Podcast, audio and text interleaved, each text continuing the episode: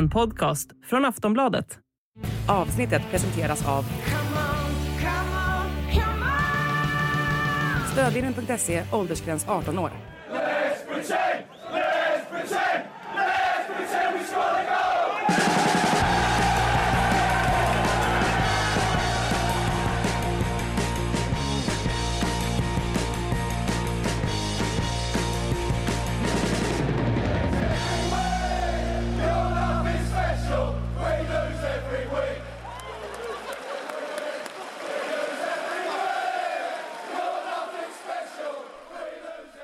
Sportbladets Premier League-podd, måndagen den 21 augusti.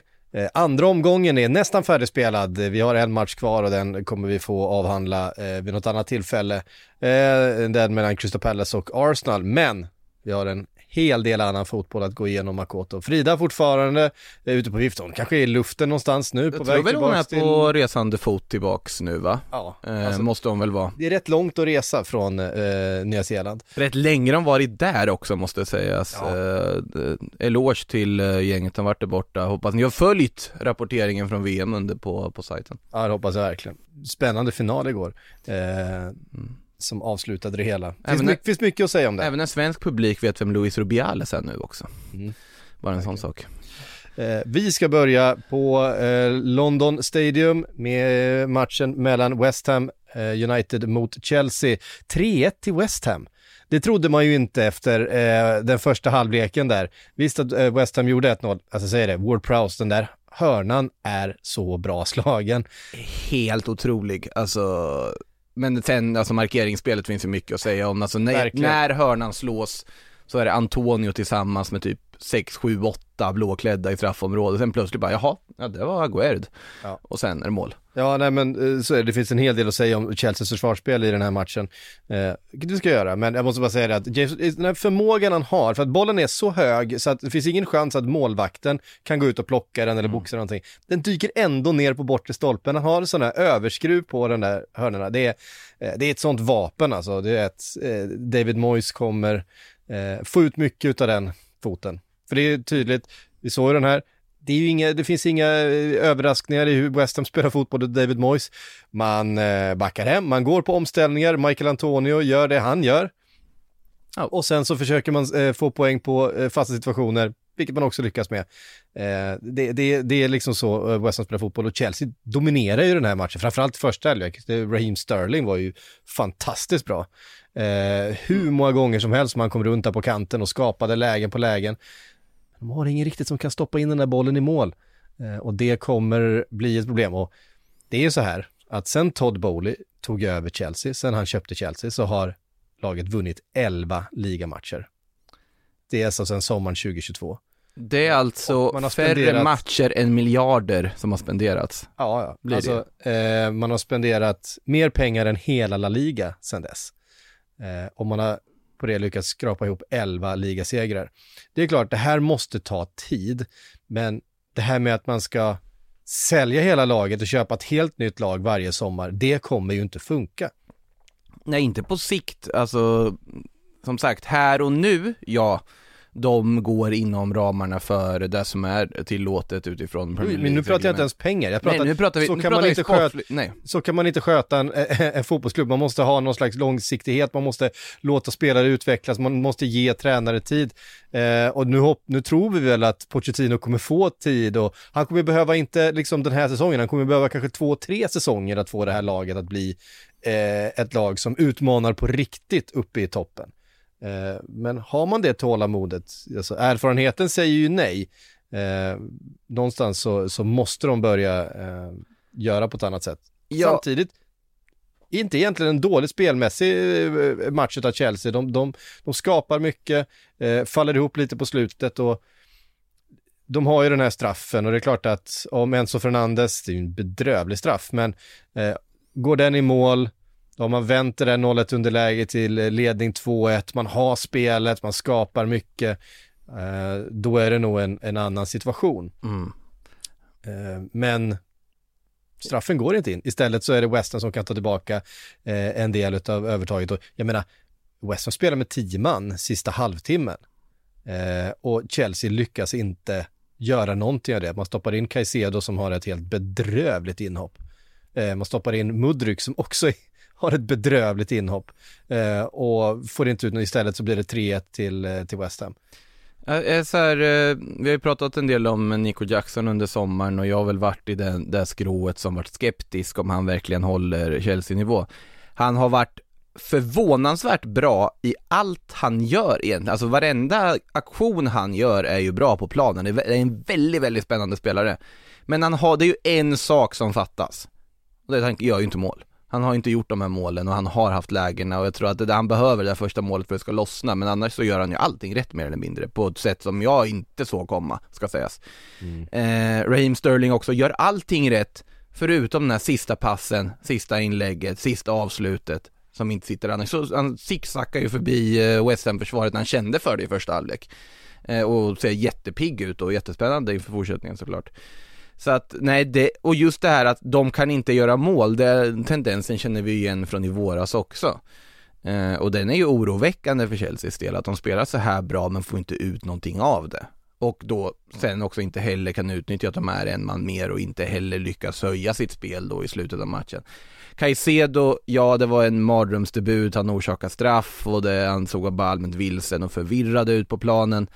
Eh, där tycker jag med synd om Garn som liksom blir, som, som har alla blickar på sig som Premier Leagues dyraste värvning genom tiderna, vilket han egentligen inte borde vara i en sund marknad. Eh, för han har haft en hel Premier League-säsong under bältet innan den här flytten. Sen absolut, han har fantastiska egenskaper och så vidare. Jag tror han kommer bli jättenyttig för Chelsea på sikt. Men eh, den här debuten var ju, var ju bara att glömma för hans del i alla fall. Eh, jag tror ju Chelsea kommer vara bättre än vad de var i fjol i slutändan. Jag, tror, jag tycker ändå jag ser en stringens i hur de har agerat under den här sommaren också. Eh, det är tydligt att de vill bygga en kärna och ge den tid, men det gäller också att ge den tid. Då måste de faktiskt ge Pochettino tid att bygga ihop det här. För han har fått en ung kärna med massa unga, lovande spelare på långa kontrakt. Då gäller det verkligen ha tålamod med dem och Stanford Bridge-publiken har tålamod med dem. Eh, sen finns det ju såklart en smärtgräns alltid. Chelsea var och petade på den smärtgränsen väldigt ofta förra säsongen. Eh, de har ju redan börjat att eh, peta lite smått på den, den här. Eh, ja, så är det. Sen så, sen så måste vi säga någonting om, om West Ham och David Moyes. Alltså, de gör så här mot en del lag. Alltså, de är svåra att bryta ner. Eh, de är stora, de är starka, de är defensivt eh, liksom medvetna och påslagna. Nej, men de har fått in Ward Prowse som har en, en spetskvalitet, men, mm. och de har fått in den spetskvaliteten utan att egentligen tappa någonting i, i sån defensiv närvaro och medvetenhet. Han är jätteskicklig eh, central eh, mittfältare på det sättet, rutinerad, han vet precis och David Moyes och, och, och kommer liksom få igenom alla sina idéer där. Och sen så har man Michael Antonio och det är klart att det har blivit han gör det inte lika ofta som han gjorde det för ett, eh, några säsonger sedan. Men den här aktionen är ju så otroligt mycket Michael Antonio. Alltså Colwill, bara, han har ju ingenting att sätta emot där. Eh, och... Klassavslut också. Sen det... kan han inte få ta det kanske, men alltså det, det, sitter ju där som en smäck. Men det är liksom så, för att han är, han är själv mot två försvarare när den här bollen, mm. och så han bara, han bara springer rakt fram och de kan inte ta bollen för honom, för han är för stark. Eh, Colville är ju där eh, i nerven, där ser man ju alltså, uh, Colville är en jättespännande spelare, en fantastisk liksom eh, mm mittback med eh, ljus framtid för sig. Han har jättefin uppspelsfot och allt det där, men där såg man ju att han var att det var en junior mot en, mot en senior på något sätt, för att han visste inte, överhuvudtaget inte hur han skulle, hur han skulle ta sig an Antonio, han bara höll ifrån honom. Eh, plus att, eh, vad heter han, Disasi, Disasi ja. eh, som ju först tappar bollen och sen inte lyckas eh, täcka det där skottet eller komma in rätt i den situationen tillbaks. Eh, han behöver väl kanske också, det är också en ung spelare. Eh, Ändå nyligen. 25. Ja, men han är ändå ja, är, han, ja, han är ung men han har kommit in i det här laget eh, nyligen, Precis, han behöver lite tid ja. och, eh, och acklimatisera sig. Och det är klart att mot en sån spelare som Michael Antonio, han kan göra sådär mot, mot vilka försvarare som helst. I, vi har sett honom göra det mot precis alla. Eh, han gör det inte så ofta längre, men, men, men eh, då och då så sitter han och det är ju, det är imponerande. Nej, de måste nog svära på Chelsea-kontoret ganska rejält åt att Kristoffer uh, Nkunku blev skadad där, för man undrar ju om de haft Nkunku istället för Chukwuemeka i den där rollen. Inget ont om Chukwuemeka, han gjorde ju mål nu som också. Chukwuemeka som uh, också gick av skadad uh, med knäskada eh, vad det misstänks. Nu har vi inte fått någon eh, vidare uppdatering vad jag har kunnat se i alla fall runt honom. Han gjorde ett jättefint mål. Mm. Men eh, ja. Men fatta om du hade haft en Kunku i den rollen på planen Ja, som visst. vet vart målet är, då hade vi kanske suttit där och hyllat Chelsea just nu istället. Det är ju, det är så små skillnader ibland också, att nu har du en, alltså ja, premiumvärvningen de gjorde, den liksom beprövade värvningen de har gjort i det här sommarfönstret, den spelaren eller premiumvärvningen måste ju ändå vara Caicedo med tanke på vad han kostar. Men, men alltså den, den liksom mest beprövade, den som man vet mest att det här kommer att leverera, det var ju Kristoffer Nkunku tycker jag. Och att han är skadad och missar största delen av hösten, det är ju ett jätteavbräck för dem på, på alla sätt och vis. Eh, som sagt, jag tycker Jackson, Sterling så ser väldigt bra ut i allt förutom den sista lilla, ja. Lite, lite story of uh, Raheem Sterlings hela karriär, men Ja, han är i den här formen, vilket han visar att han är. Jag tyckte han var bra mot Liverpool också, men, Mm. men det var en ny, det var en, än, ännu högre nivå han höll här. verkligen. Ehm, så är han ju en av de spelarna som skapar absolut mest i hela ligan. Sen så behöver han hjälp med att stoppa in bollen i mål. Mm. Eh, Och det är ju den hjälpen som Nico Jackson är värvad för att ge.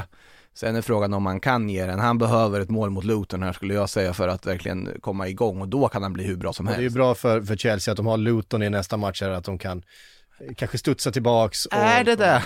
det är allt att förlora och Luton har allt att vinna på att åka till Stamford absolut. Bridge och verkligen liksom ge allt. Har vilat upp sig en omgång här nu också. Jag skulle inte säga att det är någon dröm, drömscenario att möta Luton i nästa match. Nej.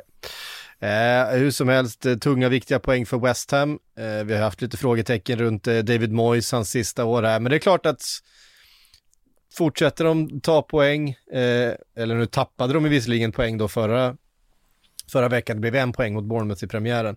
Eh, en match de också tappar, eller de, de tappade en 1-0-ledning, vilket man ju gjorde här också. Nu tog man tillbaks eh, och vann alla eh, tre poängen, men eh, David Moyes, när det funkar så funkar ju hans fotboll mot i stort sett vilket motstånd som helst. Det är inte alltid så vackert att se på. Det kommer inte vara så mycket boll vid fötterna för en del av de här spelarna, men eh, de, de är svårslagna eh, när de är när de hänger ihop. Jag tror nog alla West Ham-fans hade tagit fyra poäng på första två utan att blinka. Ja, gud, med tanke på hur den här sommaren har sett ut. Det är ju en drömstart Verkligen. för dem på alla sätt och vis. Verkligen. Och Paketa, eh, Kvar, men kvar. eh, med vissa.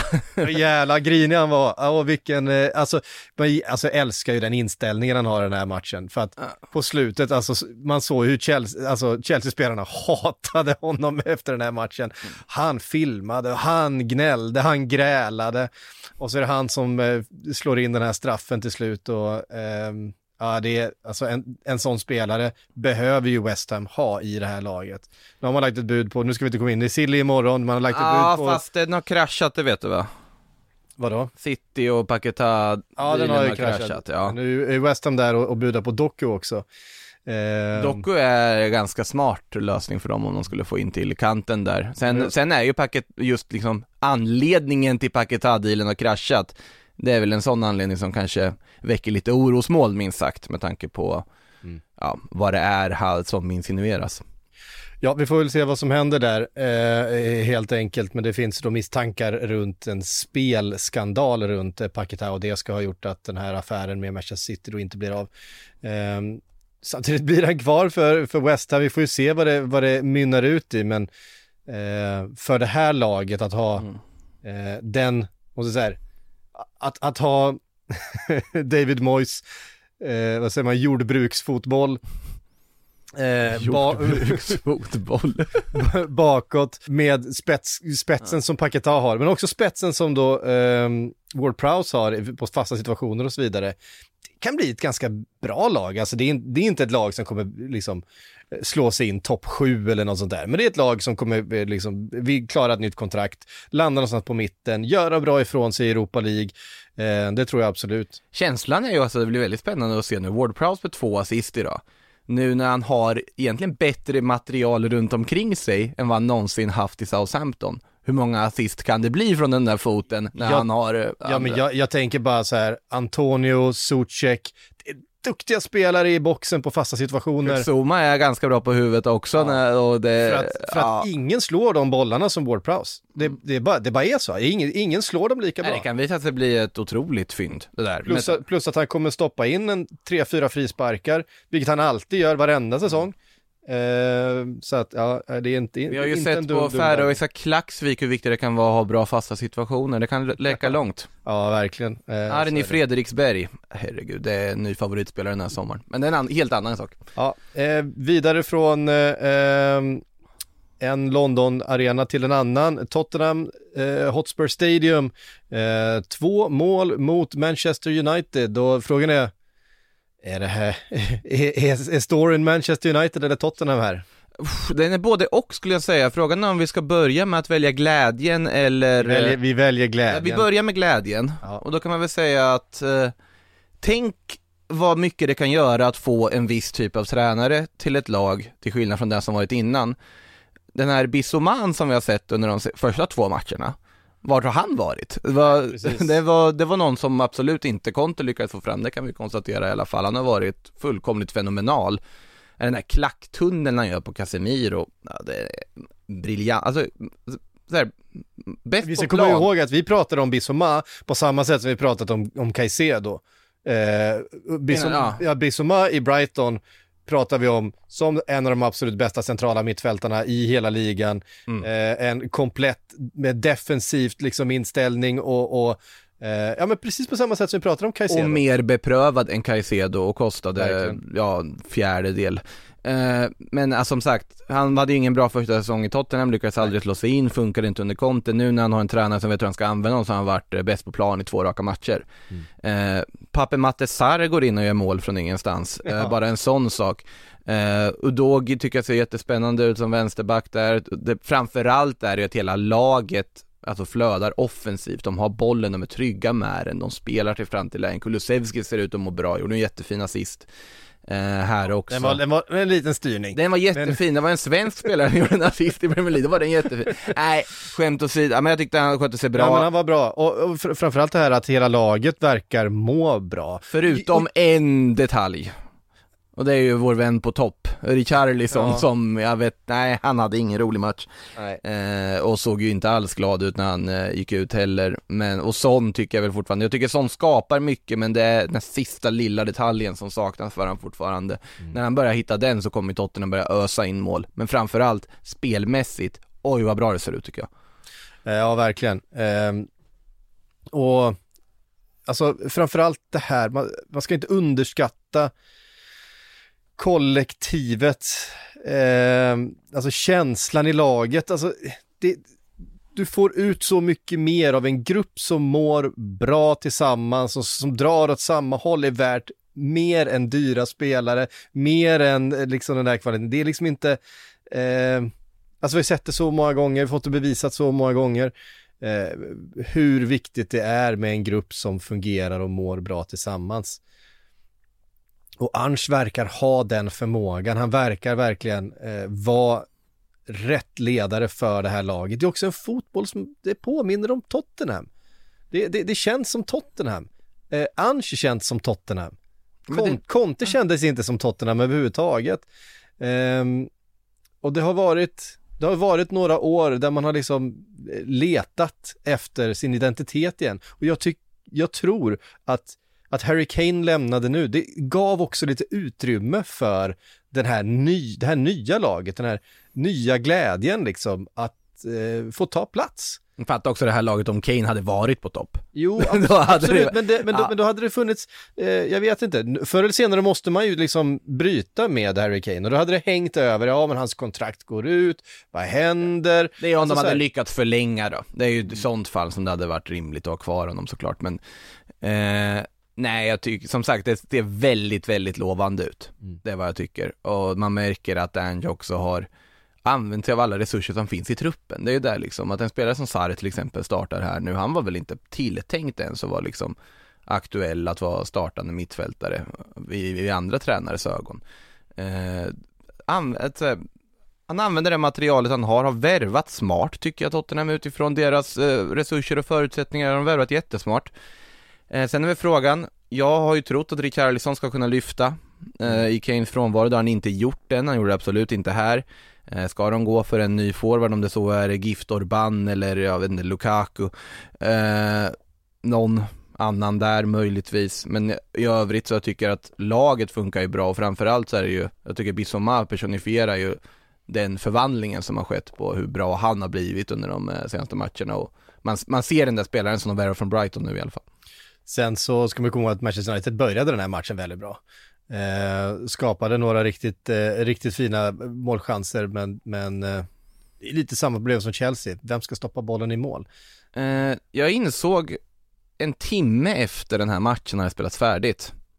Då såg jag statistik på Mason Mounts insats. Mm. Och då insåg jag, just det, han spelade den här matchen. Ja jag vet, det, alltså det... det var, det var verk... han, var, han var så osynlig som en spelare någonsin har varit i en match. Men det, det, liksom, det kanske är lite reaktionärt efter två omgångar men likväl, det här United då, efter en väldigt klart godkänd första säsong under Ten Hag, de har fått möjlighet att spendera, alltså liksom värva de här pusselbitarna de behöver för att verkligen kunna ta kampen om eh, titlar och så vidare igen. Eh, Mount känns helt felplacerad hittills. Det verkar inte alls funka. Eh, det kan vi konstatera, varken mot Wolves eller i den här matchen. Onana tycker jag är en kanonvärvning fortfarande, även om man gick på någon sorts ostraffad vargjakt där i eh, slutet mot mot Wolves som kanske... Ja precis, vi har ju inte pratat om den matchen eftersom den här eh, spelades efter vi spelade in. Det är klart att det var en eh, där var han ute och hängde tvätt rätt rejält och skulle såklart haft en straff emot sig. Han, I övrigt, förutom just det ingripandet, tycker ja. jag också att han har sett eh, jättefin och stabil ut. Han stormade dörren till tvättstugan, det kan man säga. Han bara liksom slog in den rakt in.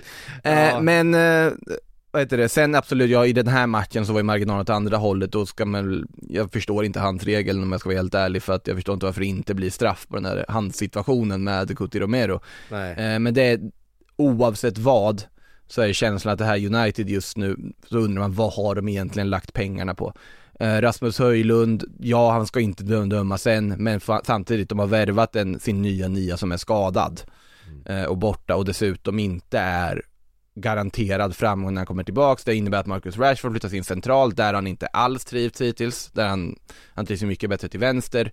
På kanterna samtidigt, Garnacho känns fortfarande valpig. An, ja, Antoni där borta, jag vet inte var man ska börja riktigt.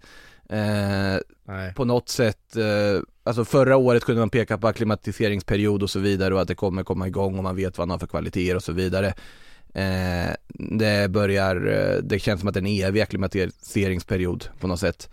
Eh, vet inte vad det ska bli av. Bruno Fernandes verkar se kaptensbindeln som någon sorts frikort till att gnälla extra mycket.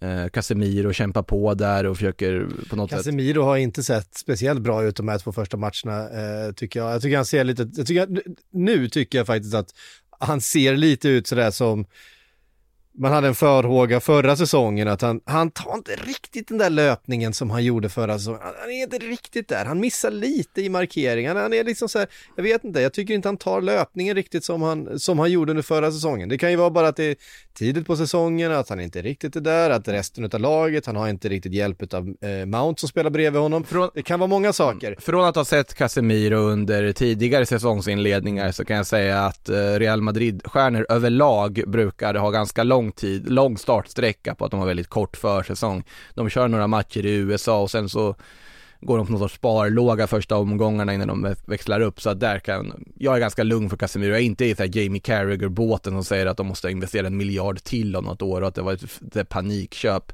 Jo, absolut det var ett panikköp i stunden men jag tycker fortfarande det var ett vitalt panikköp och att det var, det, det var bra investerade pengar för dem. Eh, däremot så är jag ju är oroväckande hur uddlöst framåt det faktiskt är i det här United och hur eh, osynkat saker och ting känns och hur de inte alls kommer till sin rätt överhuvudtaget. Och att man börjar säsongen på det här viset, mm, nej, nu fick de som sagt, de fick ändå den där segern mot Wolves men det var inte vackert. Nej och det var eh. inte, var inte rättvist heller. Ja och alltså. här, här är de egentligen inte nära mot Tottenham i slutändan. Nej, nej, och det tycker nej, jag är väldigt oroväckande för Uniteds del. Nej det är ju Tottenham som eh som eh, ligger på under andra halvlek före det 2-0 målet hela tiden och Lisandro Martinez som vi hyllade mycket förra veckan, han hade inte någon rolig match. Eh, det är han som styr den där bollen som studsar fram till Sarr, mm. det är han som eh, lyckas råka peta in den i eget mål på slutet till 2-0. Ja. Men det är så, ibland har man sådana matcher som mittback. Det är väl Ja. lite så också. Eh, Sen är det andra saker som, eh, som, som stör runt Manchester United. Det är de här uppgifterna som har kommit runt Anthony. Det är hela Mason Greenwood eh, historien där man verkar ha ändrats. Nu liksom kanske man backar från eh, sitt eh, ursprungliga då eh, agerande till att då man hade tänkt ta tillbaka honom. Äh, nu verkar reaktionerna ha gjort att man kanske har ändrat sig eh, och, och ska då inte ta tillbaka honom till truppen igen. Det hela är väldigt oklart och framförallt är man väldigt oense inom eh, klubbledningen verkar det som i den här frågan. Och, jag menar att du har supportrar som protesterar utanför arenan. Det har pratats om det här eh, Mm. ägarbytet under hela sommaren. Det har fortfarande inte hänt någonting. Bara att du har supportrar utanför Old Trafford med jämna mellanrum som protesterar inte bara mot en sak utan mot Alla två, möjliga eller, alla möjliga saker. saker. Ja. Alltså, och de har egentligen de har rätt allihop. Men fan, Glazers out, absolut. ja. Eh, Mason Greenwood, man förstår all frustration som finns där. Pratar om det, alltså ett lag som mår bra, en klubb som mår bra, allt det där är värt mer än att ha de dyraste, eh, liksom mest dekorerade fotbollsspelarna. det här är ett lag som spenderat miljarder i det här fönstret. De har lagt jättemycket pengar på nya spelare. Absolut, Ja, det är inte jättemånga, men det är, det är mång, mycket pengar som spenderats och de har inte lyckats sälja någonting. Harry Maguire är kvar. eh, Ja. Och vill kämpa för sin plats och det är väl fint där då. Scott McTominay är väl också kvar? Ja, Fred fick de inte jättemycket betalt för när han flyttade till eh, Fenerbahce. Uh, nej, jag, jag är orolig för United. Det, det är jag faktiskt. Nu ska man, man, ska, man ska akta sig för att vara reaktionär efter två omgångar, absolut, och man ska akta sig för att vara efter en undermålig insats vid ett toppmöte, men Det Jag är, är två, det, är två, det är två svaga insatser i rad här. Eh, ska vi säga, alltså för att de var inte bra mot Wolves nej precis. Men de Eh, vann fortfarande. Däremot det, så tycker jag att de har rätt, jag, jag tycker att Ten Hag är rätt, rätt person Absolut, på rätt absolut, plats. Alltså, jag absolut. tror att han är, är tränaren som, som eh, eh, man ska hålla hårt i. För att eh, på sikt så är han rätt person att, att, det tror jag också. att bygga det här, det tror jag. Det tror jag också. Eh, men de måste reda ut allt det här annars, det här, allt det här andra runt omkring. Finding your perfect home was hard, but thanks to Burrow, furnishing it has never been easier. Burrow's easy to assemble modular sofas and sectionals are made from premium, durable materials, including stain and scratch resistant fabrics. So they're not just comfortable and stylish, they're built to last. Plus, every single Burrow order ships free right to your door. Right now, get 15% off your first order at burrow.com slash ACAST. That's 15% off at burrow.com slash ACAST. Eh, vidare till, ja men det som var helgens eh, största toppmöte då kanske enligt många, det var den mellan eh, Manchester City och Newcastle. Eh, vi satt och väntade på fyrverkerier mellan de här två lagen och det var liksom duellen Isak mot eh, Haaland och allt det där. Vi fick väl inte riktigt det. Eh, det var två, alltså taktiskt, eh, lite som alltså det här, vi har ju sett det. Manchester City mot en toppkonkurrent.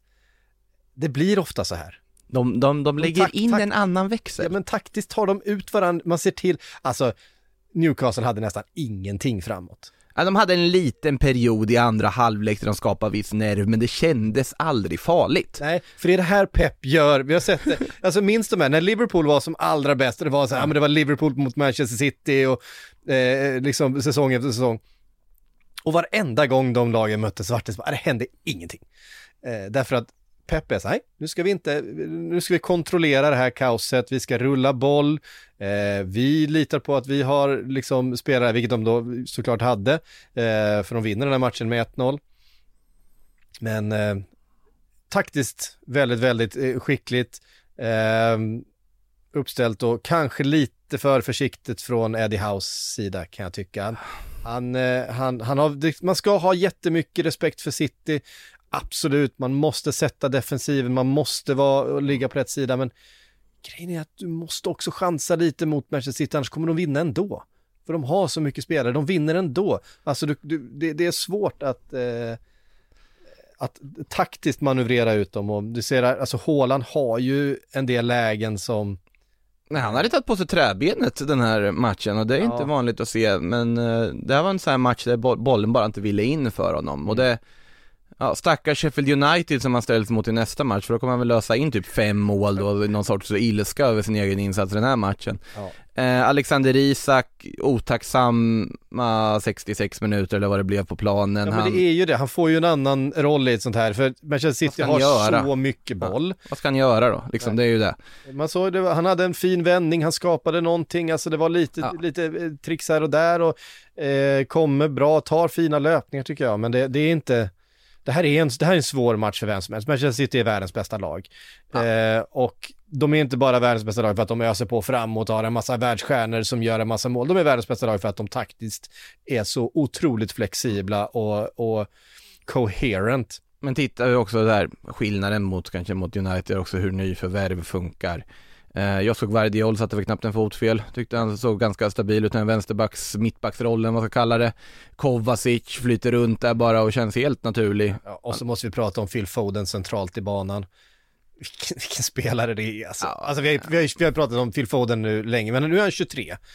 Eh, nu ska, men nu ska han ju bli världsstjärnan liksom. Det, det är ju det som är, och det är han väl till viss del redan, men Han ska uppfylla Peps profetia. ja precis. Ja, men Pep, Pep har ju trott på Phil Foden som liksom den, den stora, den liksom nästa, the prodigy. Han har pratat om, han sa det finns inga, det finns liksom, det finns ingenting som kan få mig att låna ut honom eller sälja honom eller någonting. Det var mycket prat om då när, ja men när Jadon Sancho lämnade eh, för Dortmund och så vidare och där det Jadon Sancho kanske såg som den st- större talangen utav de två och Peppa, nej nej nej nej nej nej nej, Phil ska ingenstans. Han är liksom, eh, här ska formas. Är det inte här han kommer att typ axla Kevin De Bruynes roll då?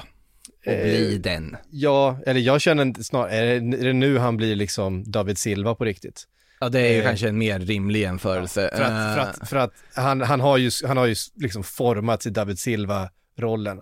ja. Fötterna han har, alltså det, det är någonting med, med, eh, med touchen han har, Phil Foden, som är så eh, mjuk och liksom flytande på något Mm. sätt som är så härlig. Den där bollen bara, den älskar honom. Mm. Eh, och han har inte riktigt kommit till sin rätt när han har fått utgå från kanten som han har ju gjort de här senaste säsongerna.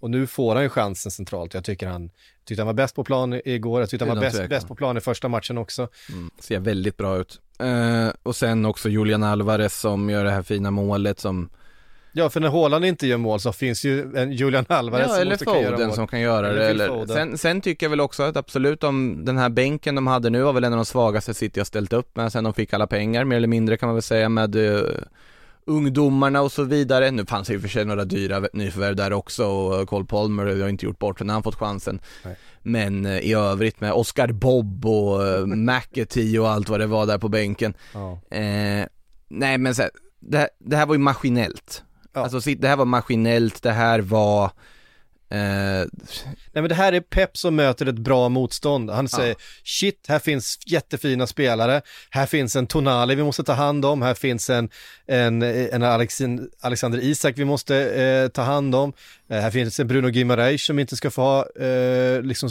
stå rättvänd mitt i banan och leverera passningar. Nej, och då blir det så. Mm. Därför att då ställer han upp sitt lag taktiskt så att de där ytorna krymps, motståndarna får låna väldigt lite boll och i den eh, mån de eh, får boll så ska de ut i de ytorna där de själva inte är bekväma. Eh, alltså, han, De saknar alltså Stones, de saknar Bernardo Silva, de saknar Kevin De Bruyne givetvis. Gan- det är ganska bra spelare som de också har borta i den här matchen. Och ändå löser det på det här sättet. Eh, En annan så här liten detalj, inte lika viktig som matchen sådan var väl att jag undrar vad liksom Anthony Gordon hade emot Ruben Diaz i den här matchen. Det var, alltså det var helt otroligt att han fick vara kvar på plan tyckte jag. Anthony Gordon kunde ju ha fått rött kort i den här matchen. Han byttes ju ut väldigt fort efter den här andra satsningen, det var helt sanslöst att han inte, att han kom undan den också måste jag säga. Eh, och att Diaz höll sig någorlunda kall i situationen var också ganska sanslöst. Eh, nej men City är väl, är ju bra i år också, de klarar sig även fast Haaland eh, har en sämre dag. Och man kan, det man kan säga om Skandinavkampen är som sagt, Haaland kommer säkert revanschera sig mot på Bramall Lane i nästa helg, eh, mot ett undermåligt Sheffield. Alexander Isak kommer få betydligt mycket mer möjligheter och eh, utrymme att visa Mot sin Liverpool kvalitet mot Liverpool till helgen. Så är det. Ja. Ja. Ja, vi kan väl ta oss till eh, Anfield då. Eh, där Liverpool gör som man har gjort så mycket de senaste, de senaste säsongerna, det är att man liksom, liksom kliver ut med nattmössan på. Eh, vad gör de första minuterna? Jag förstår inte vad som händer. De första, framförallt första fem minuterna är det ju fullständig hönsgård. Det såg ut som att Alisson fick tvinga igenom en flytt i Al Nasser. ja, men alltså, eh, ja, det första som händer är ju eh, jättemärkligt, jag vet inte vad det är, eh, det blir ju då offside.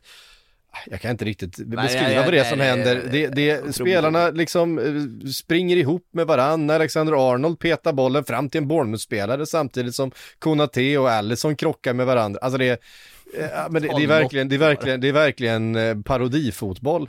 Eh, och då tänker man så här, oh, det här blev offside, okej, okay, nu vaknar vi då. Äh, då går det två minuter, sen är det precis lika parodiskt igen.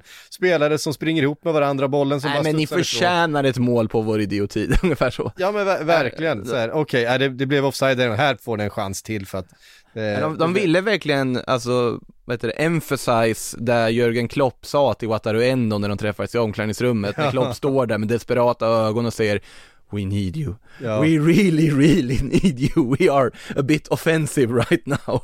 Och, och spelartruppen lyssnade på Klopps kall och kände att nej, nu ska vi verkligen ge Wataru ett fint välkomnande och visa att han är behövd i det här laget. Sen, sen steppar de i och för sig upp, får man säga. Ja, nej men sen efter ungefär en kvart, mm. något sånt där, så tar ju Liverpool, då är det som att man vaknar ur sin initiala dvala. Jag vet inte vad det är som, för det brukar det vara tvärtom går tillbaka några säsonger så var det alltid Liverpool som bara exploderade ut i, början av matcherna och så plötsligt kunde vilket lag som helst i världen stå där med 2-0 i baken och man undrar vad fan som hände. Ehm, så är det verkligen inte eh, längre, men man kommer tillbaka i matchen och från matchminut 20 ungefär så är det Liverpool som kontrollerar handlingarna. Luis Diaz mål är ju fenomenalt, alltså att ha honom tillbaks, för, alltså det ser man ju hur mycket det betyder, hur mycket han saknades förra säsongen.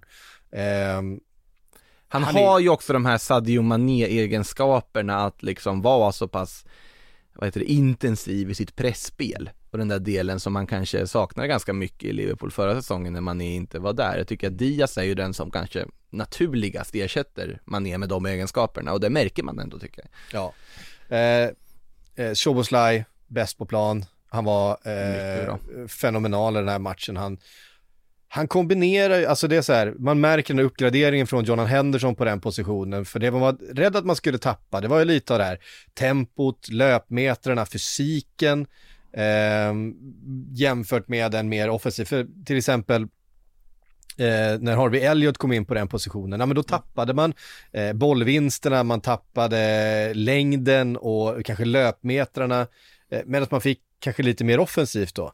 Besoboslaj är som man får båda delarna. För han har det offensiva, han kan ta sig förbi sin spelare. Han är primärt en offensiv spelare i grunden. Så. Ja, men han tar ju också, alltså han löper nog kopiöst över de 90 minuter. Han slutar inte springa. Han är nere och jobbar defensivt, han vinner boll, han fördelar boll, han kombinerar eh, och tar sig in i straffområdet på, på jättefina löpningar. Det, han vinner den här straffen, som vill vara ganska, ganska soft kan jag tycka. Jag blev förvånad över att... Men sätt att, inte ut foten när han är på väg ut ur straffområdet. Nej. Alltså det blir ju straff där. Ja, det blir, det blir straff. Men det är en kontakt och foten är ute och det är allt det där. Så att, nej men Soboslaj tycker jag eh, ser otroligt, otroligt spännande ut och, och, och fin ut så här långt.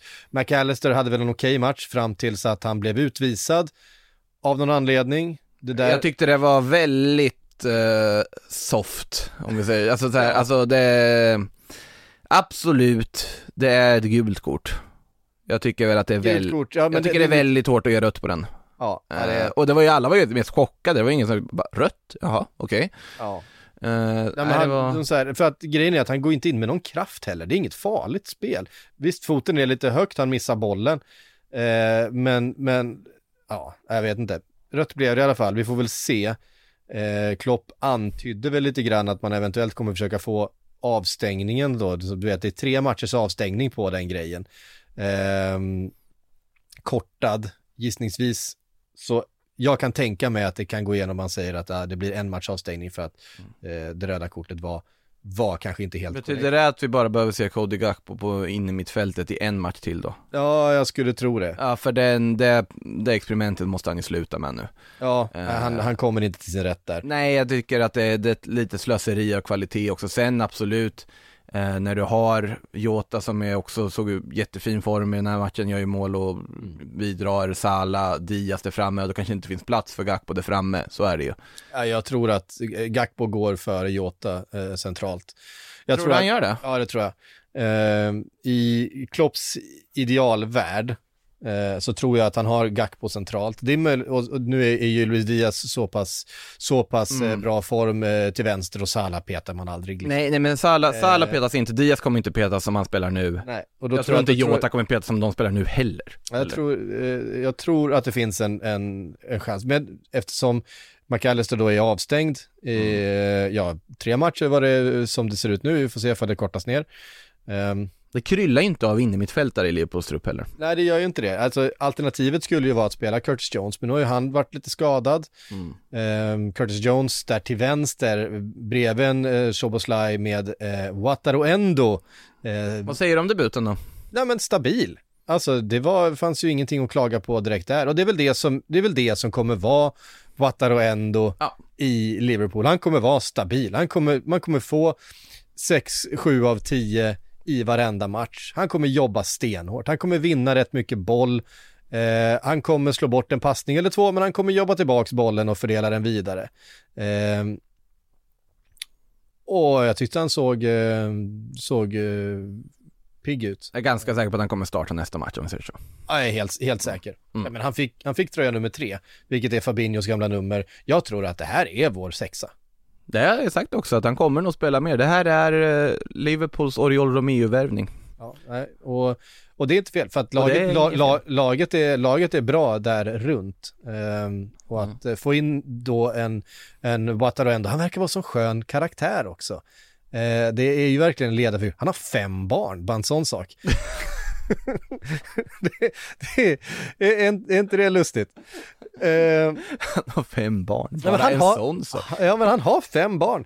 Eh, när Det är man, en indikation vara- på att han är en bra karaktär. Ja, jag vet inte, barn. jag vet inte, men det är någon, han har någonting. Jag menar, Säger tvillingpappan Patrik Syk. ja exakt.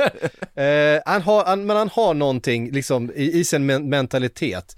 Eh, och det, alltså jag har inte sett Stuttgart spela, eh, men, Nej, men det- så det det, kan- man, har- det man har förstått är att det här är en spelare som lämnar allt på planen. Ja. Han, han springer nonstop, han, han är i alla tacklingar, han är i alla situationer, han är där och jobbar, jobbar, jobbar, jobbar, jobbar.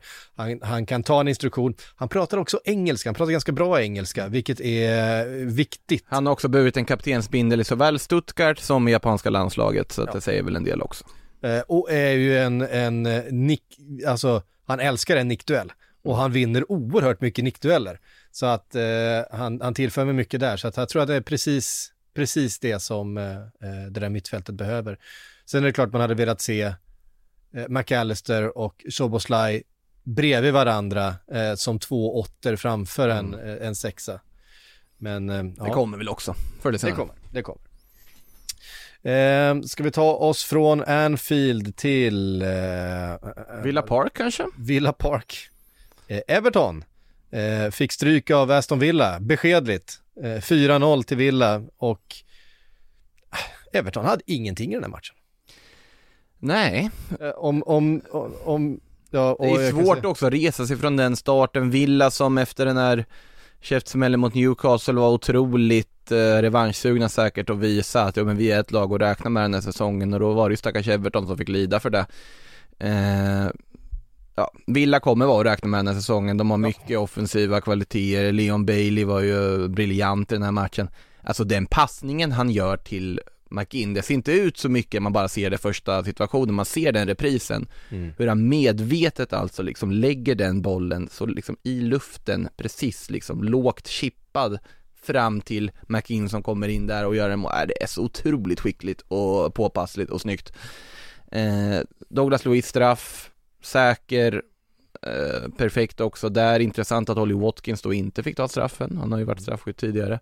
Det Watkins som nästan blev knockad utav, uh, utav Pickford i den här matchen.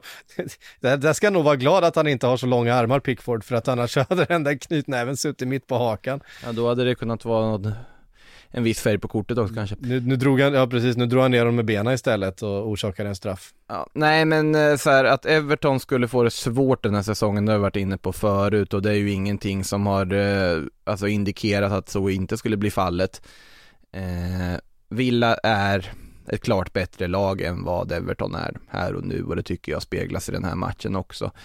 Eh, att Calvert Lewin går ut skadad igen efter typ 30 minuters spel. Det var ju inte heller riktigt vad Everton kanske behövde. Eh, kan man väl lugnt konstatera också. Det är eh, sorgligt att eh, det inte kan liksom släppa för Calvert Lewin och att han eh, kan få vara skadefri tycker jag är otroligt tråkigt. Eh, men i övrigt, Everton kommer få det jobbigt den här säsongen och det gäller för dem nu att bara hålla hårt i spelare som så här Amadona och så vidare under slutspurten av fönstret för att om de ska ha någon form av möjlighet att klara det här, då måste de hålla i de de få bra spelare de har. Det finns så mycket eh, som är problematiskt i, i Evertons spel. Alltså Keen, Keen har inte det här laget att göra längre. Han håller inte. Det går inte. Eh, han, han, ser så trög och trött ut.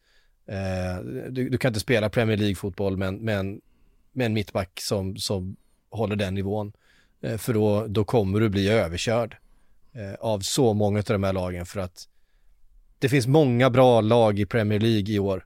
Mm. Eh, och om du inte, om du inte är på tårna, om du inte har spelare som är up for it så kommer du, du kommer bli överkörd. Och det blev Everton i den här matchen. De hade ingenting att sätta emot. Ja, nej det, som sagt, jag har varit inne på det förut, de, eh, de kommer få det tufft. Och alltså så här, de gjorde ju en bra match mot Fulham, det får man ändå säga. Men att de inte får med sig någonting från den hemma på Goodison och sen efter det blir jag ganska överkörda här av eh, av eh, Villa. Mm. Det, det, är en, ingen drömstart direkt för uh, The Toffees. A lot can happen in three years, like a chatbot may be your new best friend. But what won't change? Needing health insurance. United Healthcare Tri Term Medical Plans, underwritten by Golden Rule Insurance Company, offer flexible, budget friendly coverage that lasts nearly three years in some states. Learn more at uh1.com. överkörning eh, blev det också eh, i Wolverhampton. Brighton kom dit, Kauro Mittoma. Han tog bollen och sprang och så gjorde han mål. sågade sönder på, eget, på egen hand hela det där mittfältet och försvaret. Eh, han är bra hörru.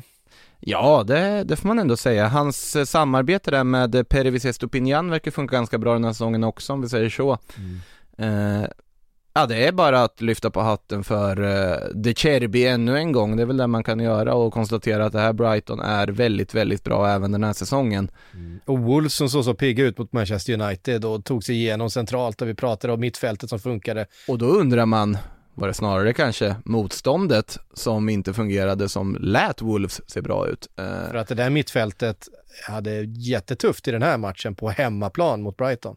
Ja, nej men sen är det som sagt, det, det som kan bli Brightons uh, fallgrop den här säsongen är ju när de ska börja kombinera. Mm. Men här har man också, det är ganska många ändringar och sånt som görs i den här startelvan också. Det är Joao Pedro på bänken och Enciso in i den där tio-rollen. Han uh, tackar för det med två assist. Solly March verkar veta vart målet är den här säsongen också och kan göra poäng.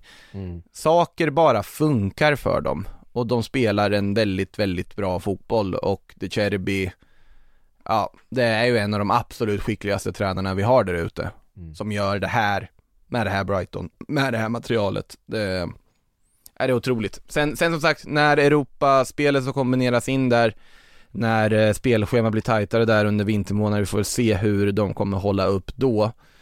Men eh, såklart att Brighton hittills ändå visar eh, tendenser på att de kommer vara minst lika bra den här säsongen. Ja. Eh, James Milner i sin 621 match i Premier League. Det är helt sjukt. Eh, han är där och ser stabil ut eh, eh, på högerbacken. Nej men alltså så här, ta det här centrala mittfältet. Billy Gilmore, Pascal Grosch och eh, Julio Enciso. Man tänker, det, det, här är inte spelare för, liksom, eh, som kostar speciellt mycket pengar. Det här är inte spelare som startar i några andra, i några andra lag på övre halvan. Men Brighton kommer vara där på övre halvan, de kommer vara högt upp. Eh, och det här, de här spelarna kommer vara tillräckligt bra och kommer antagligen någon av dem säljas för asmycket pengar nästa sommar. De startar alltså med Danny Welbeck på topp fortfarande. Det, det Ja, tycker jag är det- fascinerande. De har Joao Pedro de har lagt massa pengar på. De har Ferguson som det pratas om att han är värderad till liksom mer än vad Caicedo är. Eh, med tanke på hur talangfull han är. Danny Welbeck som startar på topp. Ja, visst. Eh, och sen har de lite sparkapital också. Dahoud kommer ju få mer förtroende tror jag. Han kom in när och fick några minuter på slutet. Eh, kommer få mer speltid Mm. under den här säsongen. Det finns sparkapital i, i det här Brighton, Mm. men de såg jättefina ut. Och, eh, Wolves, mm, jag har varit, eh, jag har dem på nedflyttningsplats i, i, eh, i mitt tips. Nu såg de bättre ut mot Manchester United. Då vart man lite så här, oj, Wolves kanske har någonting på gång. Gary O'Neill kanske får ihop det här laget. Det finns ändå eh, spelare. Alltså Matteus Kunja ser ju ganska bra ut måste jag säga nu och det måste han väl göra med tanke på vad han kostar men eh, återigen, där har vi också det sista lilla med poäng och så vidare. Det saknas än så länge. Från Wolverhampton till Craven Cottage. Fulham hade ingenting att sätta emot eh, Brentford, eh, lokalrivalen. Eh, det är de ju. Mm, det är de verkligen. Eh, Mbuemo med eh, två mål och eh, vissa. Och det där målskyttet utan Ivan Tony, det, det fortsätter funka. Ja, för att Johan Vissa och eh, Ryan Mbuemo är två väldigt eh, kompetenta fotbollsspelare. Det är en sak vi kan, eh, vi kan slå fast. Och att Brentford fortfarande är ett otroligt kompetent fotbollslag kan vi också slå fast. Lite samma sak som Brighton där och det lite orättvist så klumpar man ihop dem ganska ofta på att båda är eh, succélag som slår över sin vikt tack vare väldigt skickliga tränare och ett bra system och spelare som eh, ja som kanske nu Ja man säger att ja men det är otroligt bra jobbat sett i materialet, man kanske ska börja också hylla materialet för att det är uppenbarligen väldigt bra material och Alltså ja Kontrollerat, enkelt, eh, ostört så löser de eh, den här segern Mm. mot Fulham Och eh, ser återigen också de minst lika bra ut som förra säsongen Ja, jag tycker det. Jag har varit inne på att jag tycker att eh, Thomas Frank är en, eh, en jättespännande tränare som jag tror har en, en lång och fin Mm. karriär framför sig i Premier League. Får se hur långt han kan ta det här, det här Brentford. Det är ett lag som, som jag tycker ändå så här, de spelar ganska mycket på motståndarens misstag. De håller ihop, det är, Mm. Eh, det är inte liksom, jag säger inte att det är liksom David Moyes fotboll riktigt, eh, men det är framförallt, det är, det är ramstarkt, det är stabilt och blir en öppning, misstag från motståndaren, ehm, Då utnyttjar man dem Ja, då smäller man för att man har kvaliteten längst fram. Och det har ju varit Ivan Tony, eh, men vi ser att det finns fler i det här laget. Och, ehm, vi tar 1-0 målet här är ju precis en sån situation. Eh, en dålig touch från en försvarsspelare, eh, Wissa plockar upp bollen, ehm, det är Diop tror jag som, eh, som, som eh, tappar den bollen. Eh, och rullar in 1-0 och så ja, får man liksom momentumet med sig in i, i andra halvlek. Och, Eh, 3-0 kändes ganska rättvist i slutändan. Ja, sen blir det ju liksom omöjligt för Fulham att hänga med när eh, Ream får sitt andra gula där och eh, Ja. sen därefter på straff så sätter ju Mbuemo 2-0 då, det är väl är därefter en dryg timme Mm. och sen så där var det ju på något sätt ridå också för, för Fulhams del i den här matchen. Eh, som- Nej, jag tror inte att Fulham ändå, de, de såg eh, inte jättebra ut i den här matchen. Jag tror ändå inte det är ett lag som kommer eh, oroa. Det finns sämre lag i den här, i, i den Det här gör ju ligan just nu. det gör ju det. jag tror att Fulham kommer lösa ett nytt kontrakt i år igen. Eh, jag har stort förtroende, som ni vet, för Marco Silva, eh, som jag tycker är en, en eh, fin och duktig tränare. Ehm, det finns också kvaliteter i det här laget med den här matchen. Den här matchen vill man nog bara lägga till handlingarna och glömma. Fredags hade vi också då eh, eh, Nottingham Forest mot Sheffield United. Forest som tog sin första trepoängare då eh, för säsongen. Eh, igen eh, Taiwo Avonii. Eh, han kan ju inte sluta göra mål.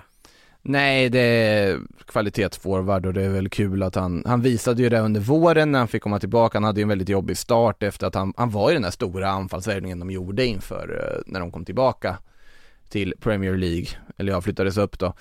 Eh, och sen så fick han ju målstimmet igång där under våren och det verkar han ju vara inne på samma stim här nu under hösten så att eh, han kommer ju fortsätta göra mål, det är ju helt uppenbart. Sen är det lite kul att se Serge Aurier ha någon sorts renässans där på högerkanten med två assist i den här matchen också. Eh, sista till Chris Wood där och såklart tre väldigt sköna poäng för eh, Forrest i slutändan även om de satt ganska långt inne. Eh, där vi dock kan konstatera också är ju att precis som Everton, Sheffield United kommer få det svårt den här säsongen. Eh, råder ingen tvekan om den saken. De, eh, de måste ju börja värva lite och hitta lite, vad heter det, spetskvaliteter för att det, det håller inte att spela med 19-årige William Osola och eh, tidigare Häcken, stjärnan Benny Traoré och så vidare på topp. Det kommer inte fixa ett nytt kontrakt för dem. Så enkelt är det.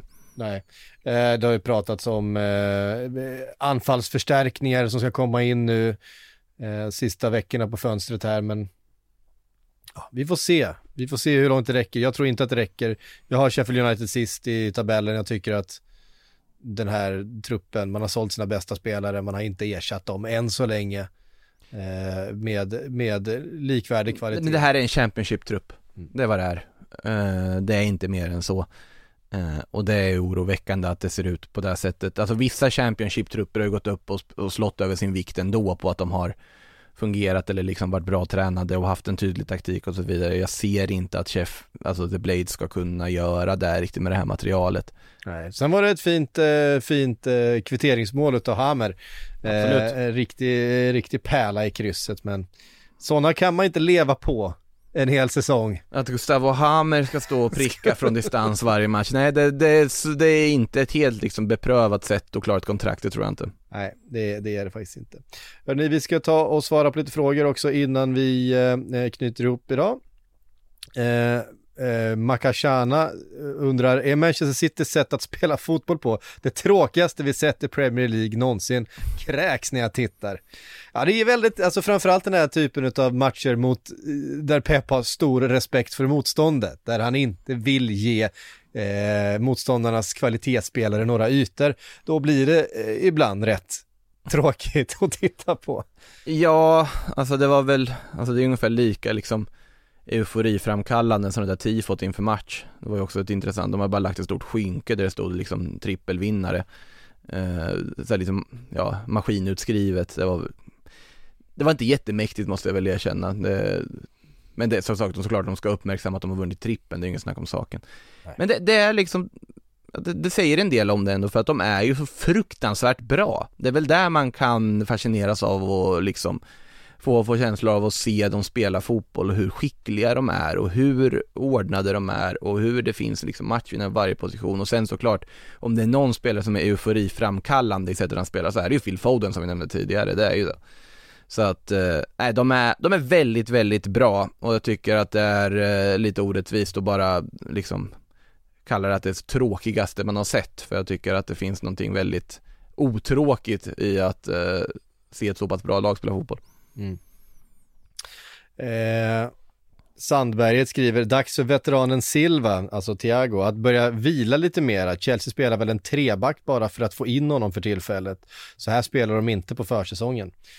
Ja, alltså, så här är det ju, alltså Thiago Silva är, är en av de mest rutinerade, sm- mest, alltså smartaste och skickligaste mittbackarna som finns i världsfotbollen. Men han är också ganska gammal. Eh, att ha Thiago Silva tillsammans med en, eh, en, en, en oprövad mittback i en, eh, i en fyrbackslinje då med, med då Mm. rätt offensiva. Då skulle man ha en, en Chilwell till vänster och ja nu är Reece James skadad igen. Men, det verkar inte som att han vill spela en fyrback med Gusto och Chilwell med tanke på att Chilwell plockades ut när de skulle göra om sin liksom ja, formation. precis. Ehm, så att, eh, då kanske det är Kukureya eller någon sån där som Colwill in. som kan gå ut eller Colwill går ut eller något sånt där, Ja. eh, någonting mer defensivt för att, eh, men det är klart att Jag tror, Thiago Silva kommer inte kunna spela 45 matcher från start den här eh, säsongen och vara toppbra i alla, det tror jag inte för att eh, det vet jag inte vad han har benen för. sen blir det svårt att argumentera för att en spelare borde börja vila lite mer efter två omgångar. Det, det kan ju vara så att han vilar nästa match.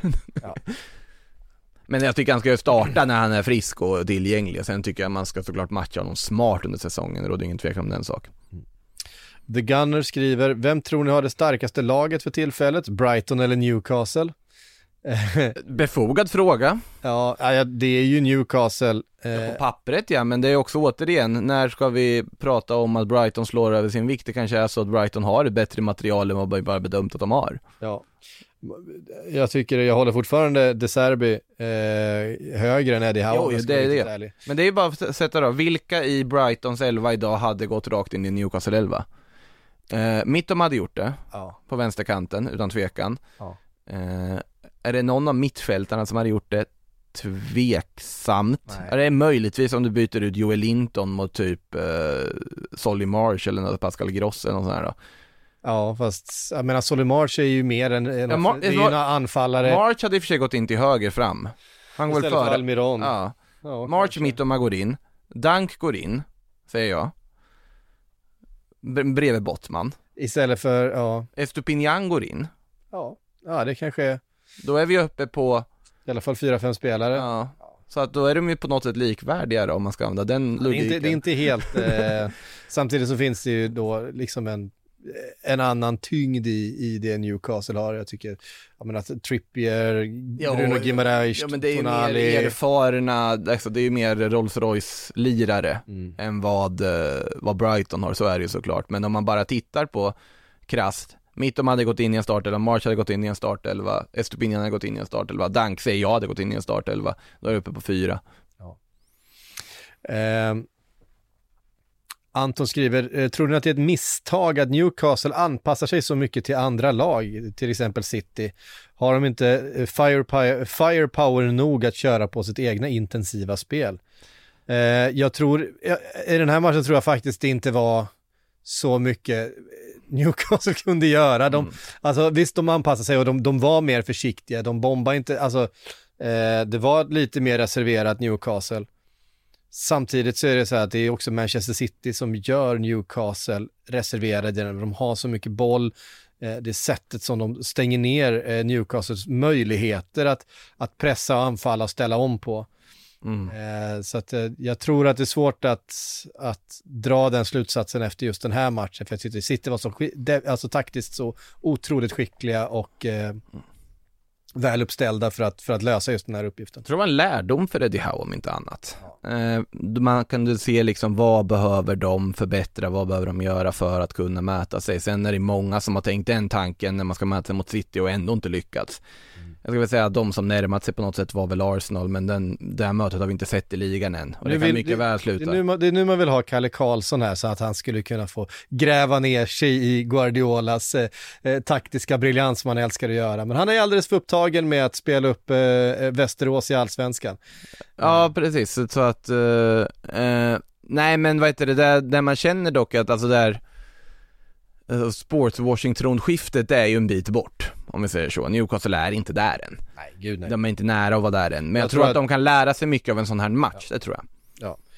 Ehm, Och för, om vi ska ta liksom resten av Antons fråga, kan Che Adams rädda detta Everton? Nej, jag tror inte Che Adams är svaret för att rädda Everton, men jag tror i och för sig att, ja de behöver ju en forward så att, ja, alltså det är inte fel. nej. Alltså, det kan inte bli sämre vad det var den här matchen. Nej, jag, jag tror att Shea Adams kan vara eh, en, en, en, bra förstärkning för Everton, men det, det räcker inte där. Man måste ha in fler spelare. Det, du måste ha in en mycket bättre mittback eh, i det här laget. Eh, Brantwaite kommer man inte kunna luta sig mot. Keane håller inte. Det är Tarkovsky behöver en kollega. Kol- Tarkovsky behöver en koll- kollega och en, en bra kollega. Mm. En, en riktigt bra kollega om det här ska funka. Eh, Jimmy Stråle eh, undrar hur många defensiva mittfältare behöver Chelsea köpa den här veckan? Ja, alltså när man tittade på det här laget så tänkte man inte direkt, oh, om de bara får in Romeo Lavia i det här också så kommer det lösa sig. Det är inte liksom den, den pusselbiten som man ser störst behov De av. måste väl vara klara med defensiva mittfältare va? Ja, det är klart de är. Ja, vem vet? Nej, de ska Eh. väl in en, en, en forward däremot. Det är en ytter vill de ju ha. Mm. En ytter eh, vill de uppenbarligen ha, eller någon, någon form av offensiv spelare eftersom att de var på Olise, så att då kommer de väl gå för något annat där. Vem det skulle vara? får vi prata mer om imorgon när det Det har ju pratat lite Brennan Johnson bland annat, jag vet inte om det riktigt är svaret på, han ska ju plötsligt vara eftertraktad och Nottingham har slängt på en 50 punds, 50 miljoner pund stor prislapp på honom. Så kan det gå. Daniel Eriksson undrar, har Manchester United verkligen blivit bättre med värvningarna som har gjorts? Uh, inte än så länge. Alltså Onana är en uppgradering på de Gea. Uh, det tycker Ja, jag. men ja, Även att han, så även att han borde, borde ha kostat dem ett par poäng i, i första matchen. Nej jag tycker, ja som sagt det är, det är ju en liksom isolerad händelse. Sen, Ja. ja jag vet man ska inte dra för stora slutsatser för tidigt. Mason Mount kanske hittar jättebra in och alla vet att han är en väldigt skicklig fotbollsspelare men jag tycker det är alarmerande när han visar lite såhär Griezmann-tendenser, som när Griezmann var i Barcelona, man inte riktigt vet vad han, det känns inte som han riktigt visste vad hans roll var och vad han ska göra och att han bara blir liksom isolerad ur spelet. Nej. Bara det faktum att han var inblandad, var det 17 passningsförsök på 85 minuters fotboll. Det är inte mycket. Han hade inte många bolltouch för att vara en innermittfältare i den matchen. Och om du har Mount i en sån roll, då vill du ha Mount med boll. Annars så finns det ingen anledning att spela Mason Mount. Så nu, just nu sprang han ju runt i någon sorts vakuum. Mm. Och jag tycker alltid det är alarmerande när man ser en spelare som springer runt i ett vakuum. För det innebär att då finns det inte riktigt en tanke med dem. Det är, det är lite så här upp till bevis för Kai Havertz till exempel nu ikväll för Arsenal och se om han verkligen kan funka. För det är ju lite liknande typer av värvningar de har gjort där. Eh, så att nej, jag tycker att det är väldigt alarmerande. Sen som sagt, är det inget ont om Rasmus Höjlund på något sätt. Eh, han kan mycket väl, han är en jättelovande forward och så vidare, men jag tycker fortfarande att lägga så mycket pengar på en spelare som då också dessutom är skadad under, och på obestämd tid borta. Det var inte vad United behövde till sin nummer nio position i det här läget. Nej, Så var det. Hörde ni, det var allt vi hann idag. Eh, tusen tack för att ni har lyssnat. Som sagt, Sillypodden, det händer mycket där ute. Det är många lag, ni hör ju, som behöver förstärka i, i den här ligan. Eh, kanske några i några andra ligor också. Real Madrid kommer inte behöva värva någon. De har ju Jude Bellingham, man kan ju göra allt. Ja, de, det, är bra- det är väl lite så lösa rykten om skambud på Mbappé och så vidare, men Mbappé firade väl sitt mål i helgen med att skrika 'Jag stannar' till publiken, så jag tror att den kan man nog stänga nu. Tick-tack, tick-tack, tick-tack. Vi kör nedräkning till nya kontraktet här Makoto. Tick-tack, tick-tack. Eh, som sagt, det är Sillypodd imorgon. Eh, vi tar eh, gärna emot er då, men från Premier League-podden så säger vi på återhörande. Meet 2024's most anticipated robot vacuum, Eufy X10 Pro Omni. With powerful 8000 PA suction and MopMaster's dual mop pads, it keeps your floor sparkling clean. It's the winner of five Best of CES awards, and Digital Trends says it boasts almost all the same features as robot vacuums that cost twice as much. Want to know more? Go to eufy.com, that's EUFY.com, and discover X10 Pro Omni, the best in class all in one robot vacuum for only $799.